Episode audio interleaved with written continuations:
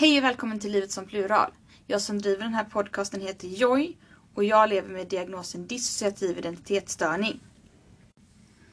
I det här avsnittet tänkte jag förklara lite ord som har med diagnosen dissociativ identitetsstörning att göra. Nummer 1.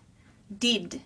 DID är förkortning på dissociativ identitetsstörning, vilket är diagnosens namn. 2. Delpersonligheter. Delpersonligheter är alla oss som finns i ett dissociativt system, alltså alla olika personer som finns i en och samma kropp. 3.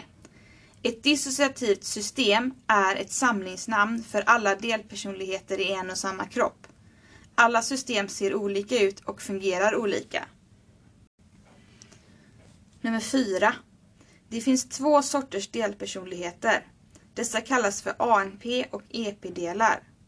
ANP-delar betyder att det är en del som fungerar i vardagen. Alltså den delen som går i skolan eller jobbar eller så. EP betyder att det är en emotionell del. De emotionella delarna är ofta minneshållare, alltså de minns jobbiga händelser och känslor. En del kan vara både ANP och EP-delar eller så är det bara en ANP-del eller en, bara en EP-del. Det är framförallt ANP-delarna som frontar, alltså styr kroppen. Dessa delar kan sedan ha olika funktioner i systemet. ANP står för Apparently Normal Part, eller på svenska en uppenbart normal del. EP står för Emotional Parts, alltså emotionella delar. 5. Delpersonligheterna kan ha olika funktioner i systemet och har egna namn, åldrar, kön, intressen och beteenden. Några av funktionerna är Ålderslösa delar, alltså delar som inte har någon ålder. Demondelar, djurdelar, barndelar, delar som skäms och hjälpardelar. Delar som härmar den som skadat en. Sen har vi världen. Världen är den del som oftast är framme och frontar. Sen har vi grindvakten.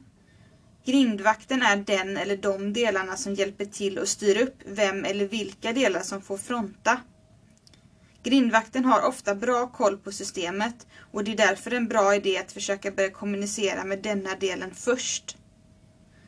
Minneshållare är de delarna som minns jobbiga händelser. Hur det ser ut är olika för olika system. Man kan ha någon av delsorterna eller alla och till och med andra slags delar än vad vi har tagit upp som exempel här.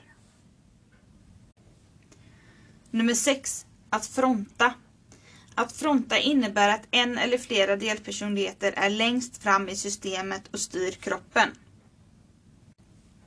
7. Att vara sammedveten.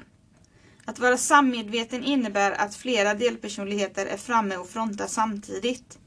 Man kan vara framme till exempel två samtidigt. Eller att en frontar och den eller de andra finns med i bakgrunden och är med och bestämmer. 8. Att ha minnesförlust. Att ha minnesförlust, även kallat amnesi, innebär att man inte kan minnas en händelse eller en period i livet. Minnesförlust blir det oftast om delpersonligheterna inte samarbetar och kommunicerar, alltså pratar med varandra. 9. Toleransfönstret. Vårt toleransfönster är den förmåga vi har att hantera stress. Om det blir för mycket stress stänger vi antingen av eller går upp i varv. Att stänga av heter att man är hypo och när man går upp i varv heter det hyper. Nummer 10. Triggare. Situationer som gör att man till exempel minns en jobbig händelse och på grund av detta växlar mellan olika delpersonligheter eller hamnar i dissociation kallas för triggare. 11. Att växla. Växla är när delpersonligheterna byter plats, alltså att en annan del tar över och styr kroppen. 12. Dissociation. Dissociation är när kroppen skyddar sig genom att koppla bort sig från verkligheten. Det var några viktiga ord att kunna när man pratar om dissociativ identitetsstörning. Jag hoppas att ni tyckte detta var lärorikt och att ni kommer att lyssna på nästa avsnitt. Ha det bra, hejdå!